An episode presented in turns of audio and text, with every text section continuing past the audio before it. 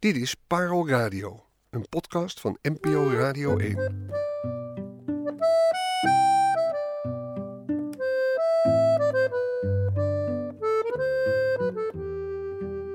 Je luistert naar de Parel jubelaflevering om te vieren dat Parel Radio 7 jaar en 200 aflevering is geworden. Al zeven jaar laten wij, radio- en podcastmakers, jouw programma's horen waarvan wij zo genoten hebben en waarvan we vinden dat je ze niet mag missen. In 2015, toen we begonnen, was het zo dat iets maar één keer op de radio was en daarna was het nooit meer te horen. En dat vonden we zo jammer, dat wilden we oplossen en zo kwamen we met Parel. Nou, dat probleem is voor een groot deel opgelost met de komst van de podcast. En ieder programma heeft nu een soort uitzending gemist variant. Alleen is het nu weer heel moeilijk om door de bomen het bos te zien. Er is zoveel. En ook daarvoor heb je ons, de makers van Parel. Wij zoeken de juwelen voor je uit. En dan in de tussentijd duiken wij ook nog bijzondere documentaires en hoorspelen op in de omroeparchieven. En dat zijn radioverhalen die je ook echt nergens anders vindt, alleen hier. En vandaag heb ik er weer zo één voor je. Want we waren dus bezig met de verkiezing van de allerliefste parel ooit, ter ere van de 200ste aflevering. En ik vertelde in de vorige parel dat er eigenlijk niet een duidelijke winnaar was. Behalve één titel, die kwam wel tien keer terug. En dat was De Hormoonfabriek. Ik lees voor uit een paar mails. Goedemorgen. De Hormoonfabriek was een van de eerste podcasts die ik luisterde. Wat mij betreft ook de mooiste. Misschien omdat ik ooit stage liep bij Organon en een biochemische opleiding heb gehad. Ik vind bijna alle afleveringen van Parel zeer de moeite waard. Bedankt voor al het moois. Ga alsjeblieft hiermee door. Groeten van Ine Hendricks. Of Hi Stef en Parel Team.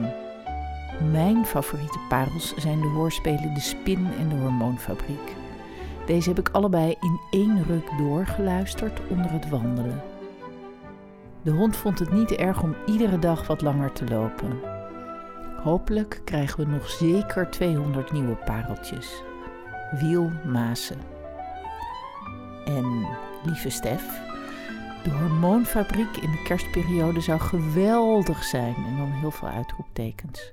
Hartelijke groet, Inge Smink. Dan zijn er nog een paar luisteraars die de Hormoonfabriek noemen, naast andere titels, zoals Paluca de Koning en Margriet Lakenman en Marielle de Jong en André Rietman. André schrijft verder in die mail dat hij op weg naar zijn werk in het Erasmus MC, fietsend tussen de weilanden, zo ontroerd was door Parel dat mijn tegenliggers zich zullen hebben afgevraagd: waarom zou die man zo huilen op de fiets? Ja, André, prachtig beeld. Dank je wel. De Hormoonfabriek plaatste ik voor het eerst in 2018 om de honderdste aflevering van Parel te vieren. En toen zei ik dat het mijn favoriete hoorspel aller tijden is en dat geldt nog steeds. Maar op zich zou ik denken, je kunt toch altijd terugluisteren in Parel. Iedere aflevering van Parel is tijdloos en ik kan ook niet genoeg benadrukken, denk ik. Doe dat alsjeblieft. Ga terug. Want echt, ook die eerste parels, die zijn zo mooi.